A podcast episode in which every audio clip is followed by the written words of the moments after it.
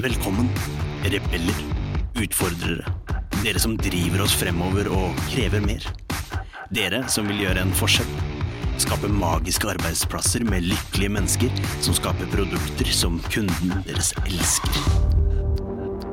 Men 75% av nordmenn føler lite eller ingen engasjement i jobben sin. 94% av ledere sier jo at smidighet og samarbeid er kritiske faktorer for at deres organisasjon skal lykkes. Men kun 6% av dem mener selv at de er smidige. Dette er podden som vil inspirere, gi deg konkrete tips og verktøy som vil hjelpe deg med å skape endringsdyktige organisasjoner med høyt engasjerte og motiverte ansatte som lager uslåelige produkter. Med Smidig-coachen, kurs- og foredragsholderen Ida Kjær. Ved sin side har hun kurs- og foredragsholderen, smidigtransformatøren og topplederen Tobias Falkberger.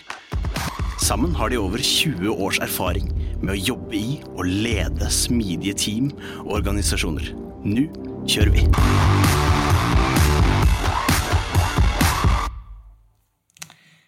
Hei og velkommen til oss, Ellen Marie og Ida. Takk. Tusen takk. Veldig hyggelig at dere har lyst til å komme hit. Så tenker jeg, Før vi sparker i gang dagens episode, som er et kjempespennende tema, nemlig smidig ledelse, så skal dere få introdusere dere selv. Så hvem vil starte? Jeg kan starte. Tusen takk for at vi fikk komme.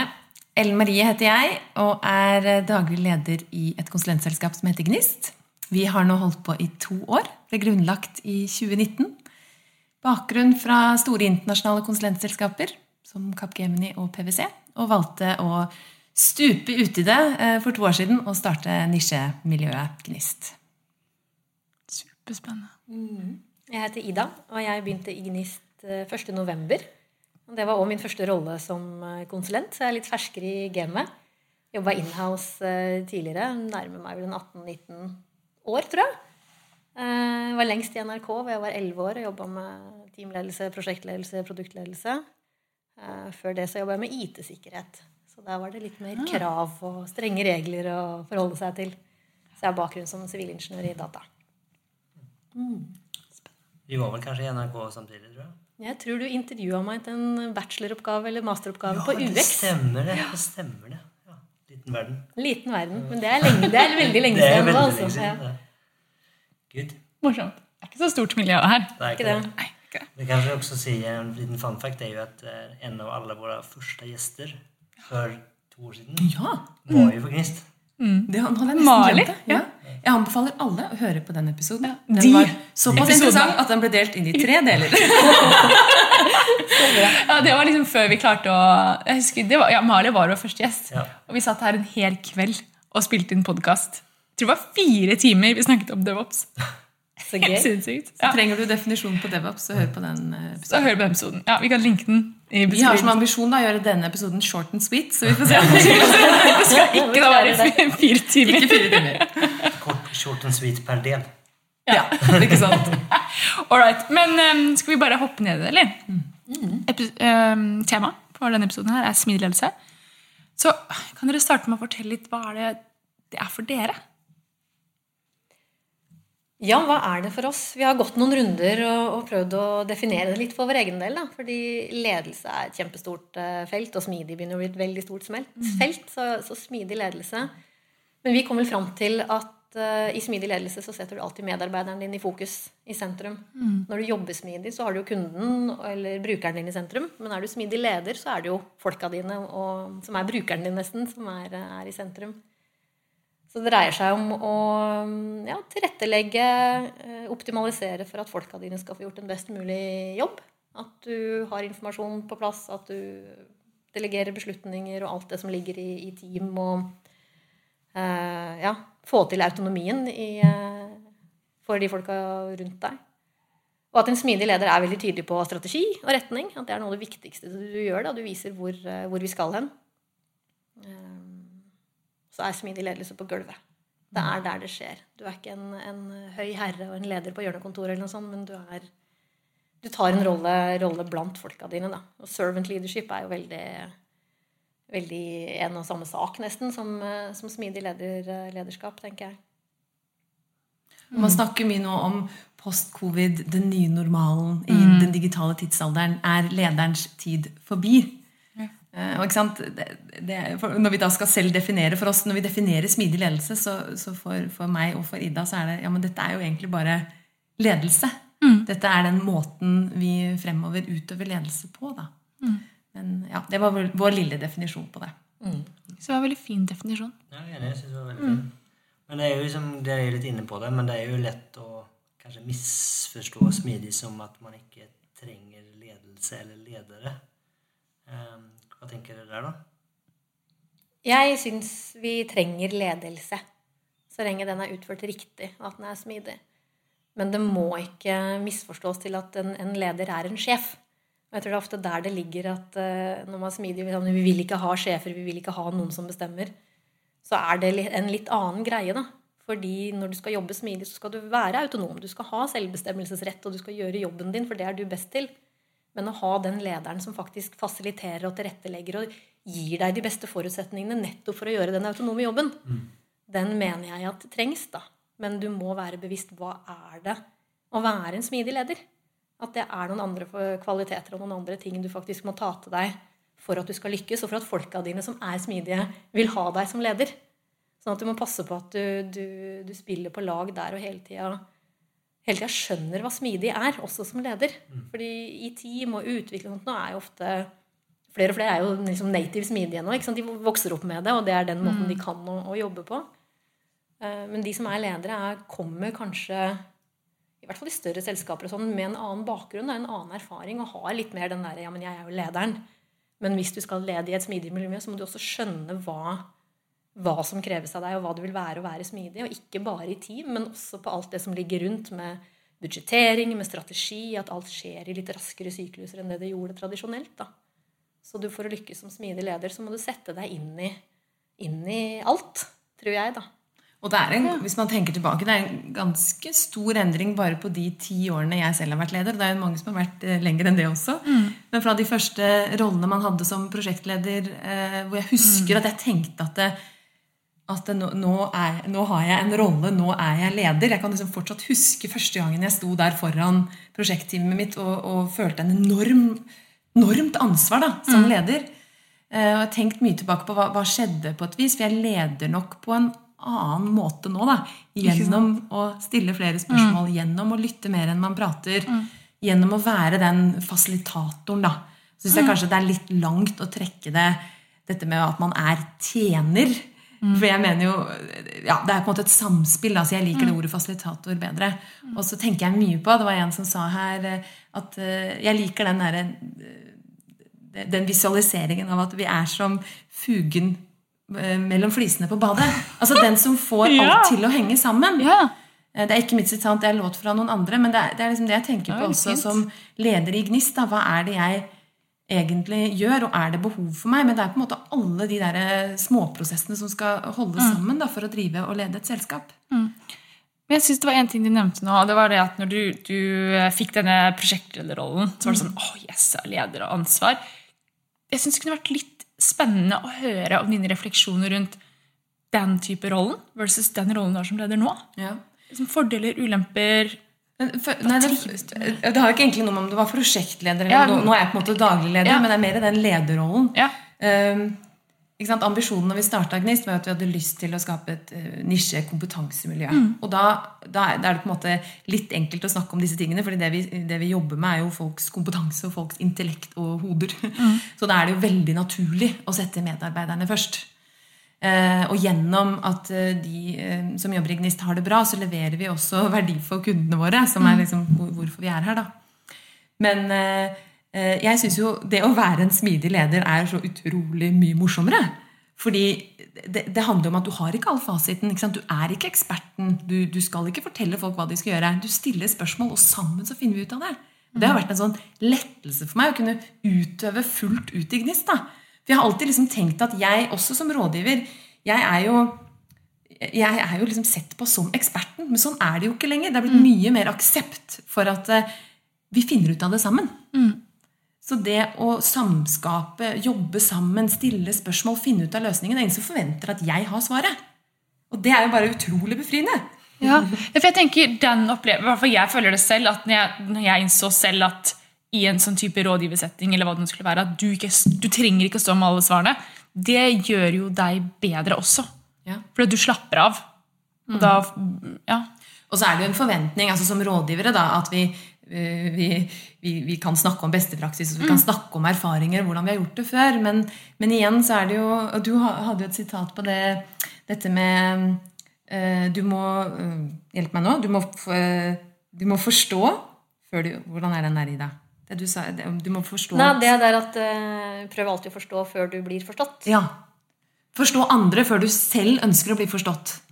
Ikke sant? Så selv om vi kan ha beste praksis og erfaring, så må vi skjønne det problemet vi står oppi, før du kommer og drar over hodet en løsning. Det tror jeg var veldig viktig med, med smidig. At uh, vi som er smidige entusiaster, da, ikke sant? vi er så engasjerte og er så veldig liksom, ja, men dette, det, Se folk, se lyset da, folkens! Det er sånn vi må gjøre det. Men å ha med seg den der ja, men hvor er du til enhver tid? Hvilken, når vi er ute hos kunder, og hvor er det kunden er hen?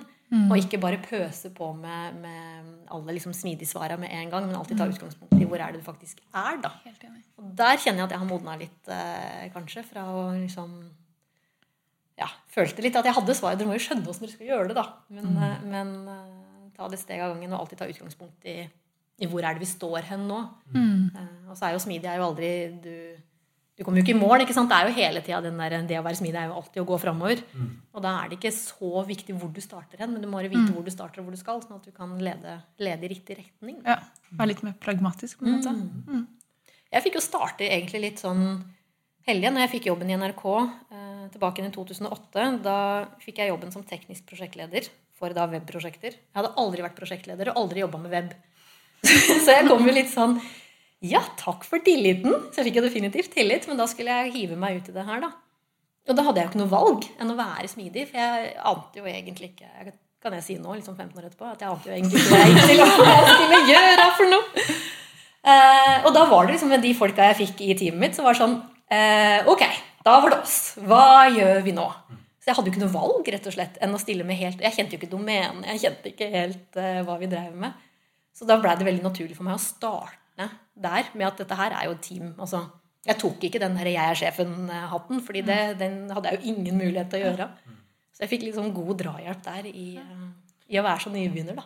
Det er jo veldig spennende. Jeg, har i hvert fall hørt at Toyota har det satt i system at i måte, karriereutvikling som leder i Toyota, i alle fall når du kommer opp på et visst nivå, så må du lede noe som er et helt annet fagfelt, et helt annet kompetanseområde enn ditt eget.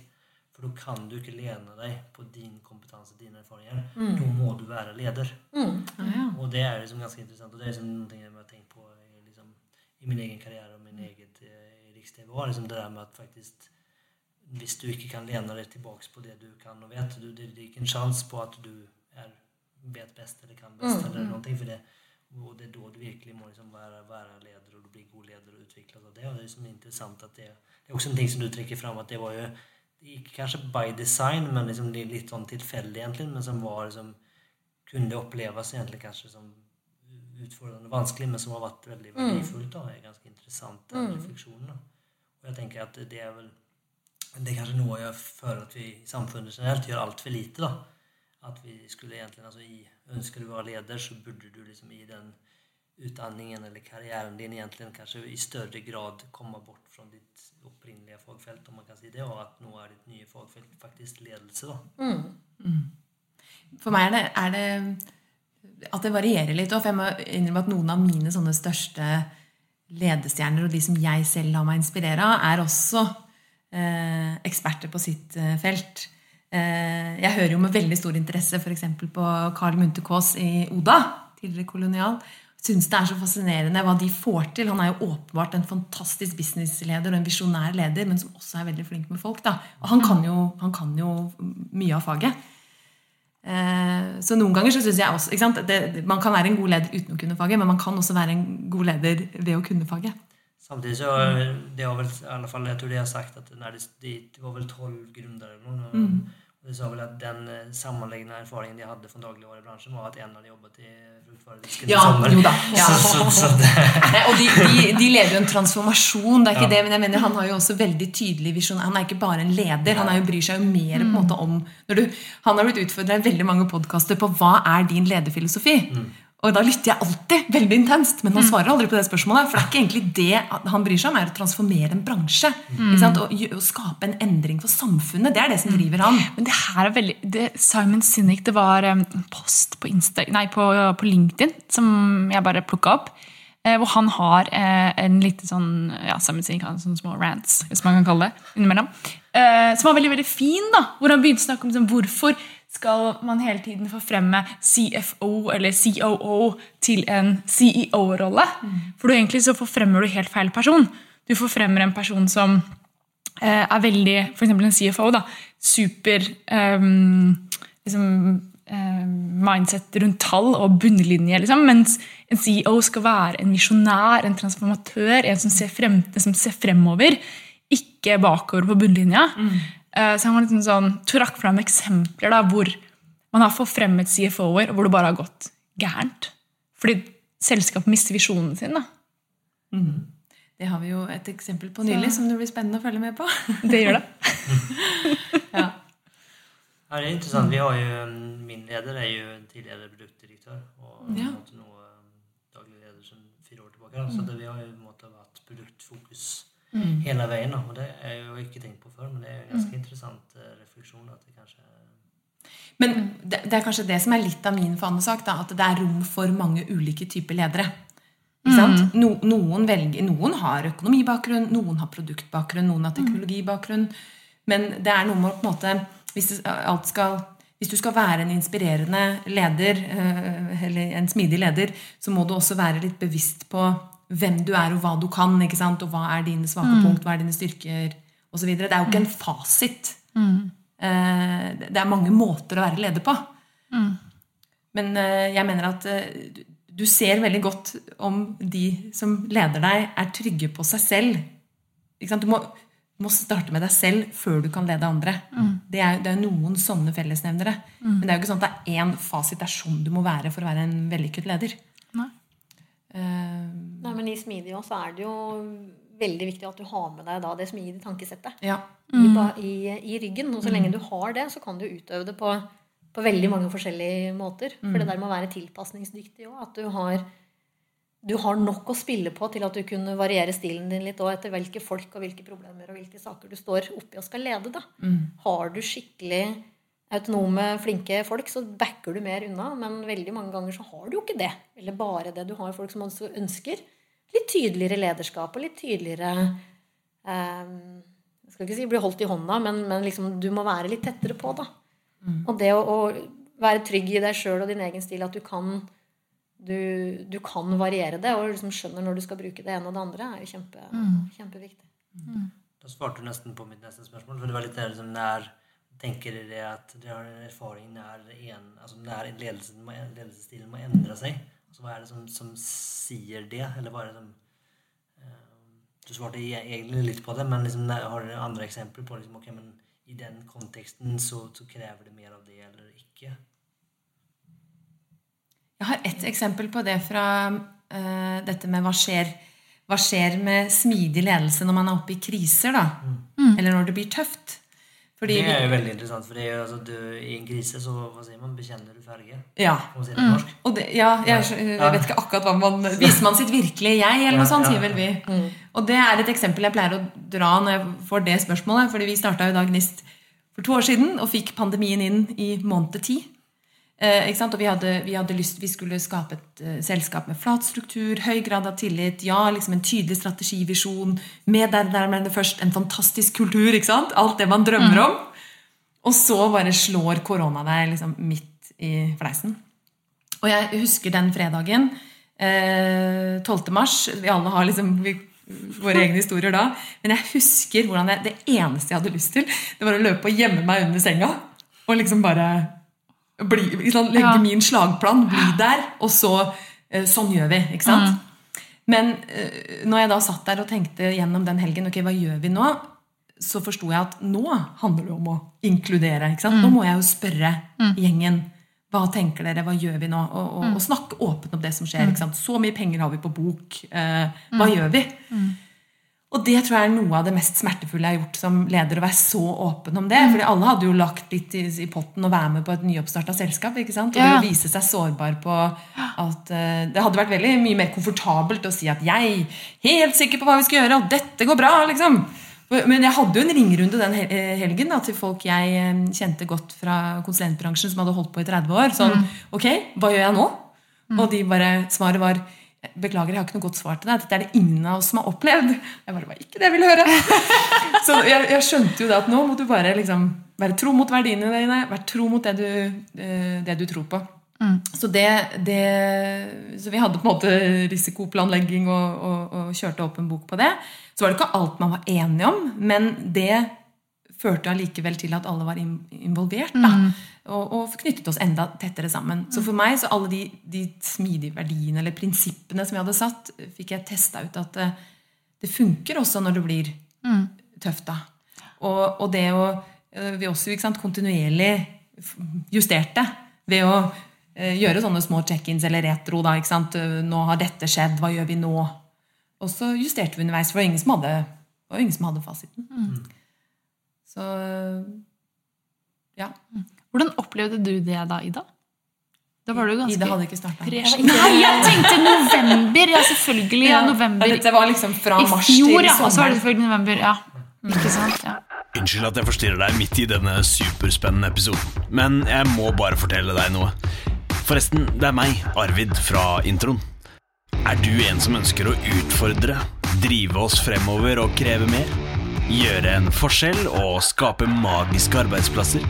Men du bare vet ikke helt hvordan. Da har jeg noe som kan hjelpe deg. Tobias og Ida har laget et kurs. Kurset gir deg forståelsen og den smidige tilnærmingen du trenger for å tenke nytt om de organisatoriske byggeklossene, strategi, mennesker, prosess, struktur og teknologi. Lenke til kurset finner du i episodebeskrivelsen.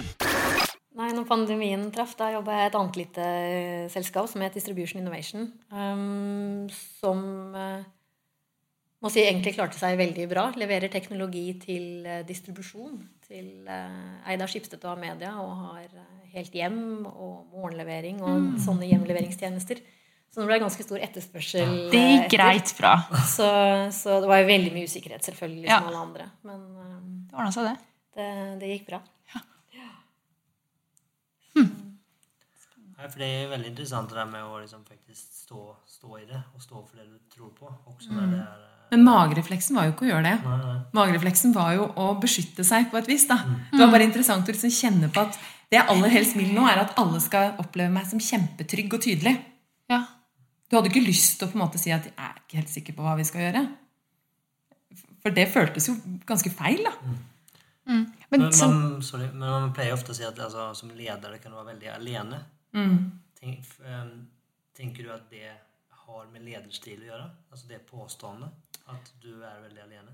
Du, du kunne jo vært veldig alene. Mm. Og man er jo det, fordi man er jo øverste ansvarlig. Det må vi heller ikke glemme.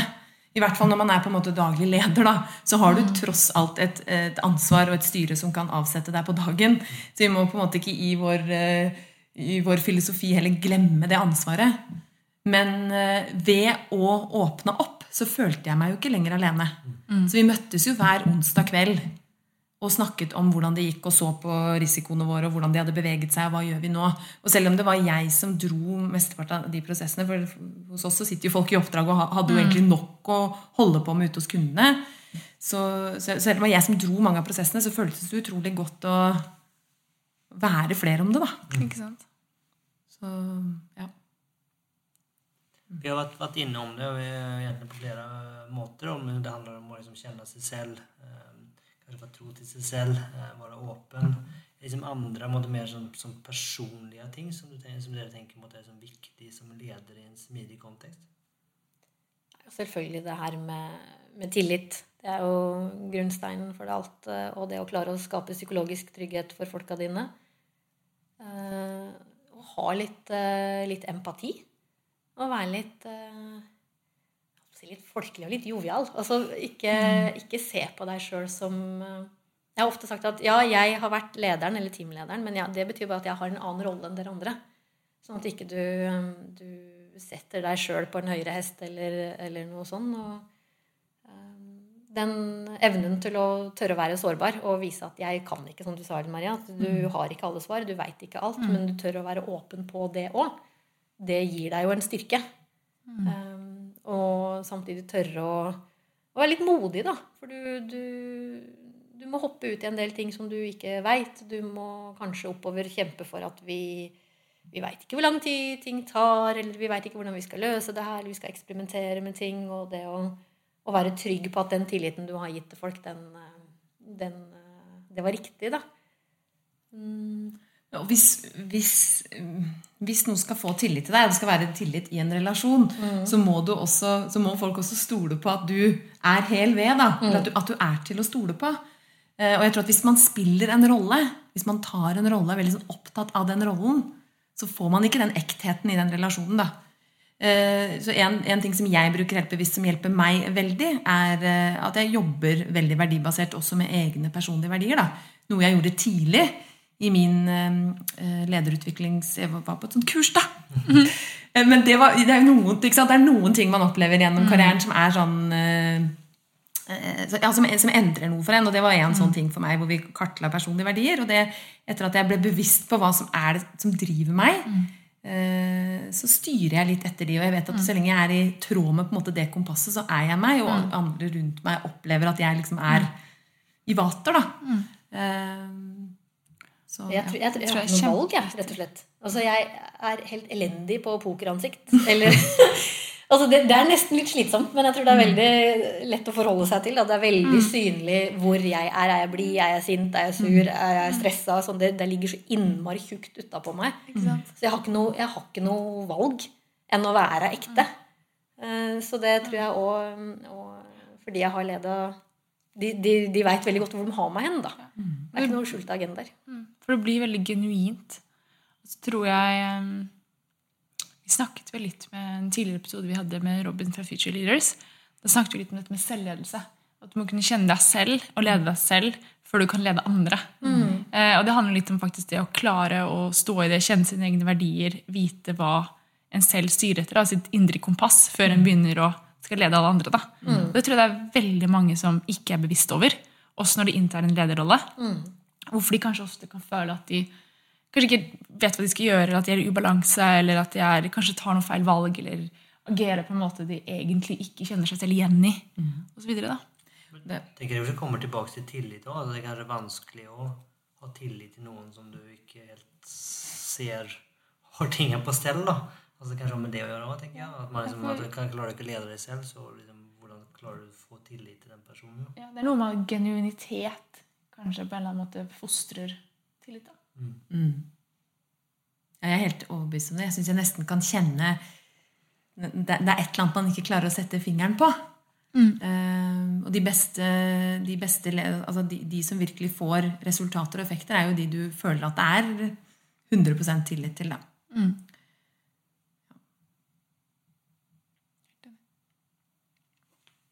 Mm. Vi snakket jo litt eh, før vi startet eh, med innspillingen litt rundt dette med liksom personlige opplevelser, erfaringer som leder. Har dere noe mer der dere ønsker å dele, som er spennende? Det er spennende. Jeg trekker ofte fram første gangen jeg skulle være ordentlig teamleder i mitt første Scrum-prosjekt. Hvor eh, jeg syns jeg gjorde alt eh, feil. Jeg hadde lært meg Scrum, jeg hadde ikke lært meg smidig.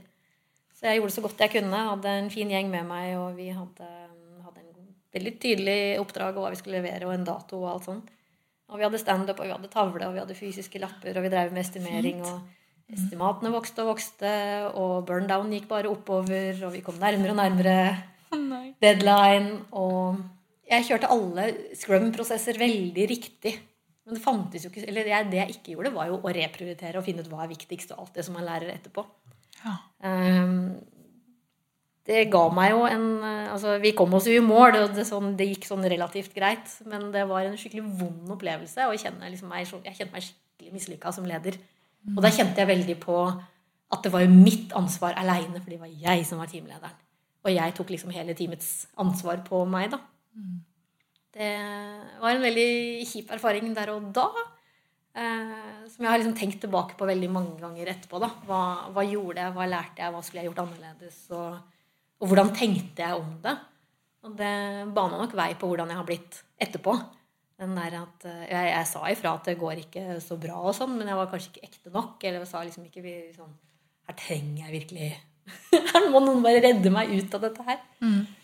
Men et spørsmål som vi har snakka mye om. Mm. Må man gjennom det der? For å Det var det jeg altså- satt og tenkte på også. Ja, for, Ja. Å, for, for å forstå for, vi, for vi sier jo at for å, for å kunne jobbe smidig og være en smidig leder, så må du forstå hva smidig er. Ja. Og jeg feila der fordi jeg ikke visste hva smidig var. Jeg Ja, men må man feile så innmari mye da, før man eh, lykkes? Nei, jeg tror jo ikke det. Jeg tror du må være Nei, jeg tror ikke du må feile. Eller jeg tror du må feile litt. Du må prøve å feile. Hvis du ikke prøver å feile, så står du stille. Men du trenger ikke gå så innmari på trynet. Du kan jo feile bare bitte litt. Vi har gått mye på trynet, jeg òg, nemlig. Så derfor jeg liksom tenker sånn, jeg har tenkt mange ganger på Må jeg gå så mye på trynet for å bli god? Men man må kanskje det. Man må kanskje det. det Ja. kommer til smidigere, jeg, jeg, jeg tror jo nesten at du må det. For ellers så triller jeg ikke polletten ned, tror jeg. Men da må jeg Ja. okay, men, ok, men da må jeg stille et spørsmål. Fordi um, vi har snakket mye om at man er født smidig. Ikke sant? Hypotesen. Ja, Så ja, hvis du er født smidig, og på en måte aldri har blitt avlært det du ble født med, på en måte, hvis dere følger meg, så trenger man ikke å feile. For da vet man jo det. Fordi du er Det er født smidig. ikke noe tro på. Jeg vet ikke. Følger du Jeg, liksom, Jeg vet ikke om det er riktig. Bare. Altså, hvis du har lyst, så kan alle lære seg det her. Altså, det er jo en Ja, del ja. teknikker og sånn. men tanken er jo På, på hypotesen min er at, Ja. at vi, altså, måten å tenke på smidig Mm. altså egentlig både målet må ha smidige prinsipper og lean-prinsipper òg, kommer veldig naturlig til, liksom, Til mennesker. menneskene. til mennesker. Vi, vi gjør det egentlig. for eksempel hvordan vi lærer å det sykle, ikke sant? Ja. Og Og fra vi er små. ja, ja, da er jeg med. Ja. Ja, at, at, og At, man, at, at barn, typisk er ja, mer tilpasset. men i det skolen og sånn så blir du Og- og- avlært. Og, og at de også vet du ikke, så prøver du. Ja. Du tester ting. Du lærer. Det her var ikke så godt. Ok, greit. Så går vi videre. Men gjennom karriere så blir du avlært, og så blir du innlært noe annet. Eh, Og da når du har gått lenge nok, så har du liksom glemt alt du egentlig var måtte født med. da. Det er påstanden min. da. Mm. Eh, jeg er veldig enig i det. Ja. Poenget mitt da var bare det at hvis du ikke hadde blitt avlært alt det så måtte du kanskje ikke det. Men, Ja. men problemet tror jeg er mye med, med smidighet det er kanskje ganske Eller det er veldig egentlig kontra Altså det er veldig annerledes mot det du har lært deg gjennom kanskje skole og karriere. er det. Og derfor så tror jeg det må, liksom, det må til noe Du får en åpenbarelse av at, hvorfor det funker. Og noe. Og det tenker jeg som, og det er kanskje ikke nødvendigvis må, må feile, men for deg så satte du kanskje i gang en refleksjonsprosess. Jeg har jo gjort alt riktig, men hvorfor fungerer det ikke? Og da er det som, ok, men da liksom, og det hadde det liksom gått sånn ok bra, da hadde du mest sannsynlig bare fortsatt. Du, liksom, det, det krever kanskje liksom, en, en, noe som får deg til å liksom, å faktisk reflekterer, da, tenke. For min del også dreier det seg veldig mye om eh, erfaring. At jeg har vært så heldig å fått lede masse forskjellige team og masse forskjellige oppgaver av stor og liten størrelse. Og fått prøvd ut veldig masse forskjellige ting. Og blitt ganske pragmatisk på det der. Ja, men hva er det som faktisk funker akkurat her og nå? Og at min, altså, min smidige styrke ligger i den pragmatismen fra erfaring. Og jeg er absolutt ikke den beste på verktøy og på alle sånne workshop-metoder, og her må vi ha value mapping sånn, eller her må vi ha ditt og datt og sånt. Og jeg har det sikkert gjort en del av det uten å vite hva det heter. Men det er nettopp den der, ja, men hva er det som funker best her og nå? Og tørre å gjøre det. Og, og ikke være så liksom, opphengt i om det er det riktige eller ikke riktige. Men liksom, ok, folkens, kan dette funke? Skal vi teste det her? Skal vi gjøre det sånn og sånn? Når jeg har leda team. Og, og ja, turt å lede liksom, på den type smidighet, da. Er ganske, du hadde jo ditt foredrag i det, var jo som at det er, vi gjør det som er riktig, ikke det som er rett. Og det er liksom det, altså, man gjør det som faktisk fungerer, ikke det som noen fyrer i USA har skrevet at man skal gjøre det sånn. Eh, utan man faktisk kan Nei, jo veldig mye av det der er så veldig amerikansk, og det passer jo ikke i, Nei, i vår setting. Men vi har mye å lære av barn. Eh, hvis jeg skal åpne litt på gløtt rundt en av mine på en måte historier, da. Eh, fordi Jeg var faktisk et av de, en av de første barna i Norge til å gå på eh, Nå kommer historien! Nå kommer den spirituelle kommer siden. spirituelle. Nå kommer den spirituelle. Jeg var en av de første barna i Norge som gikk på Silva-kurs. Er eh, Nå kalles jo dette for mindfulness og er blitt på en måte mye mer kommersialisert. Men fra jeg var seks år, så lærte jeg å meditere. Eh, eh, Men det heter jo, det heter jo ikke det. Da. Fantastisk. Ikke, ja. Men da lærte vi masse rundt også hjernens kapasiteter. Så dette med at eh, barn befinner seg jo i en meditativ tilstand. De har mye lavere frekvens hjernefrekvens, jeg bruker sikkert ikke riktig ord nå, enn det vi voksne er. Vi er veldig våkne. Barn, det er en grunn til at barns hjerner er som svamper. De lærer utrolig mye Ja. raskere enn oss. Men vi kan også, som voksne, da Det er jo derfor man sier at når man, sant, når man mediterer, eh, så, så ja, jobber man med egne kapasiteter. Altså, Så vi kan også fortsatt som voksne lære. Men det, det, det skjer noe med hjernen vår og med, med tilstanden vår da, som gjør at vi må være bevisste på det.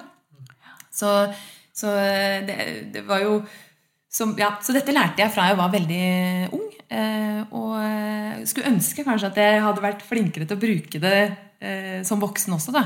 Men det er jo det du snakket om der, er jo Det har rett og slett med hjernen å gjøre. Men Så fantastisk Ja, å få lov til å Ja, ja. starte med det når man er så liten. Ja.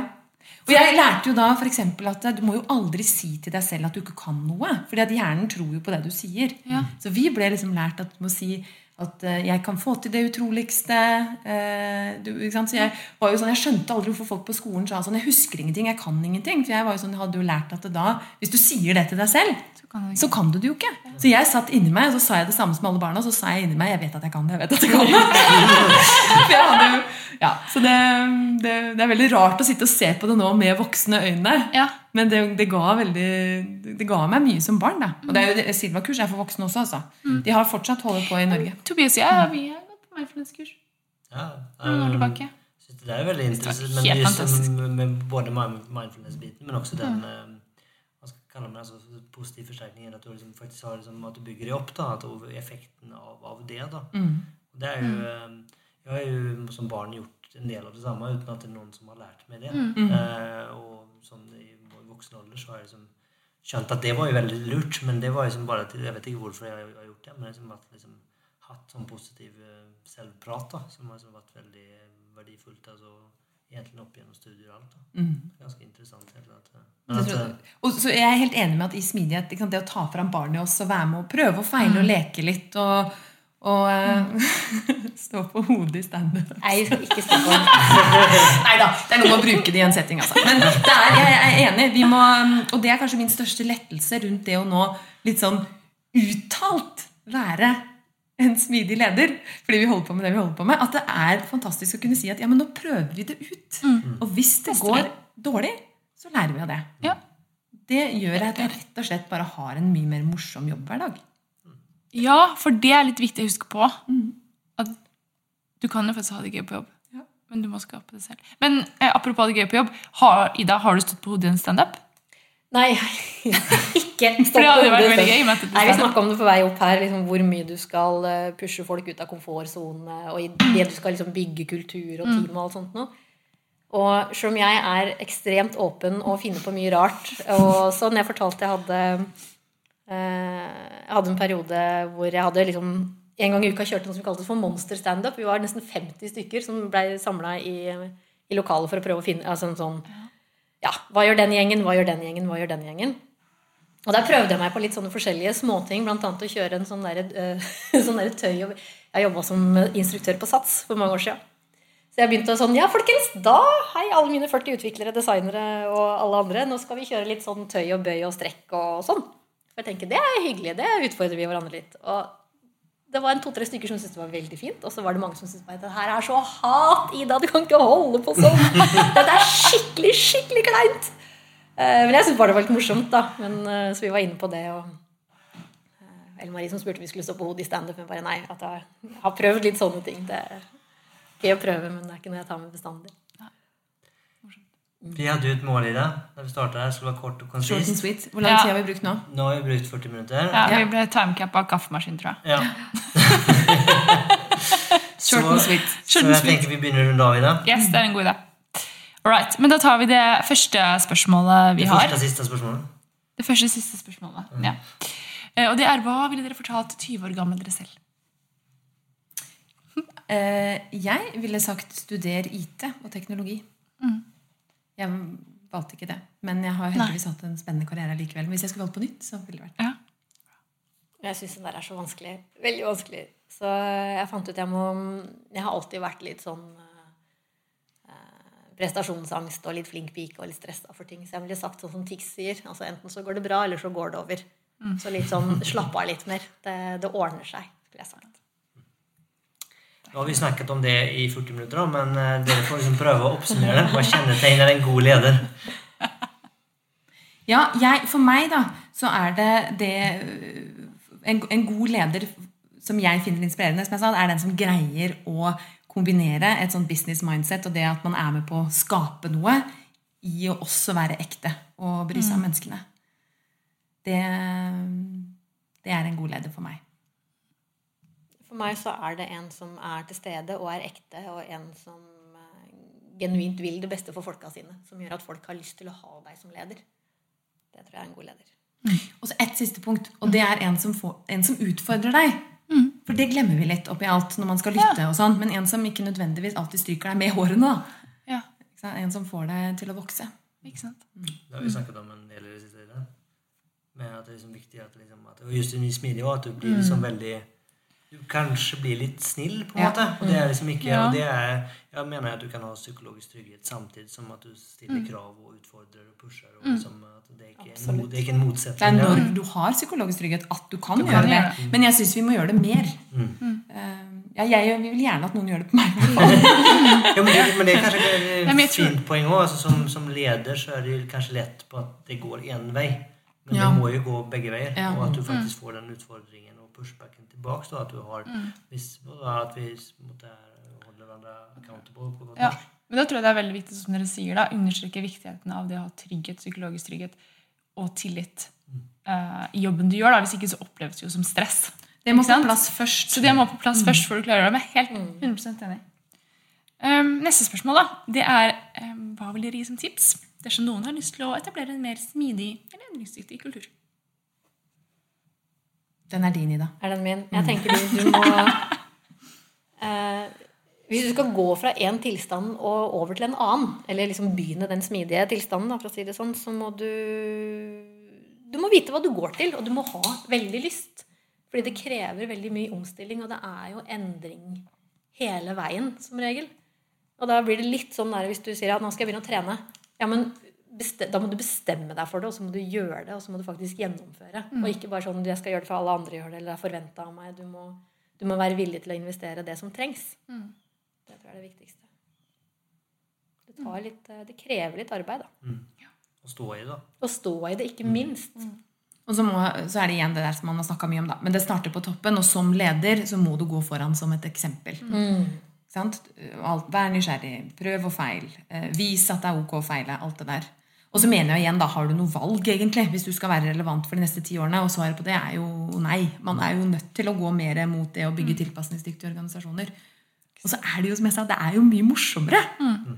Det er jo en sånn arbeidsplass man har lyst til å være på. Det er jo ikke noe spørsmål. Men at det er vanskelig, det er ingen tvil om.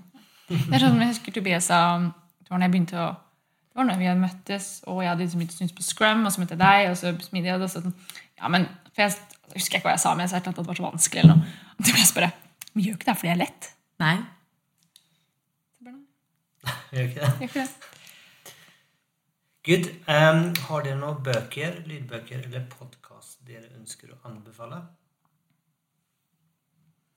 Ja, jeg har jo snakka litt om eh, de litt sånn mykere sidene, så jeg fortsetter på den, da. Eh, jeg, hvis jeg skulle anbefale en bok, så må, det, måtte det være Brené Brown og Dare to Lead. Det er en av mine eh, på en måte ledestjerner, som handler om det å vise sårbarhet og ekthet og kjenne dine verdier. Jeg syns hun er eh, ja, Kan være noe amerikansk inni der, men, men allikevel veldig mye bra i den boka, syns jeg. Jeg ble veldig glad i den eh, Seven Habits of Very Effective People. Den har sju ting du skal gjøre, eller det som de mest effektive menneskene gjør, da, tilsynelatende. Som er veldig Det har jo ingenting med smidig å gjøre. Boka kom jo på slutten av 80-tallet, tror jeg. Men den er liksom den er liksom spot on da, hvis du putter det inn i din kontekst. Så Den er ganske tjukk og ganske lang, så hør den på lydbok i dobbel speed, så du kommer gjennom det. så det er mitt clou. Ellers så har jeg faktisk siste lest veldig mye ledelsesbøker som ikke kommer fra vår bransje. Eller jeg har lest Peter Stordalen, jeg har lest Robert Den er Mood. bra. eh, eh, Anita Krohn Traaseth, også bare for å få også litt andre perspektiver inn. Da, for jeg, jeg synes noen ganger, altså vi som er eh, på det smidige altså vi kan, altså Jeg er så redd for å bli enspora. Da.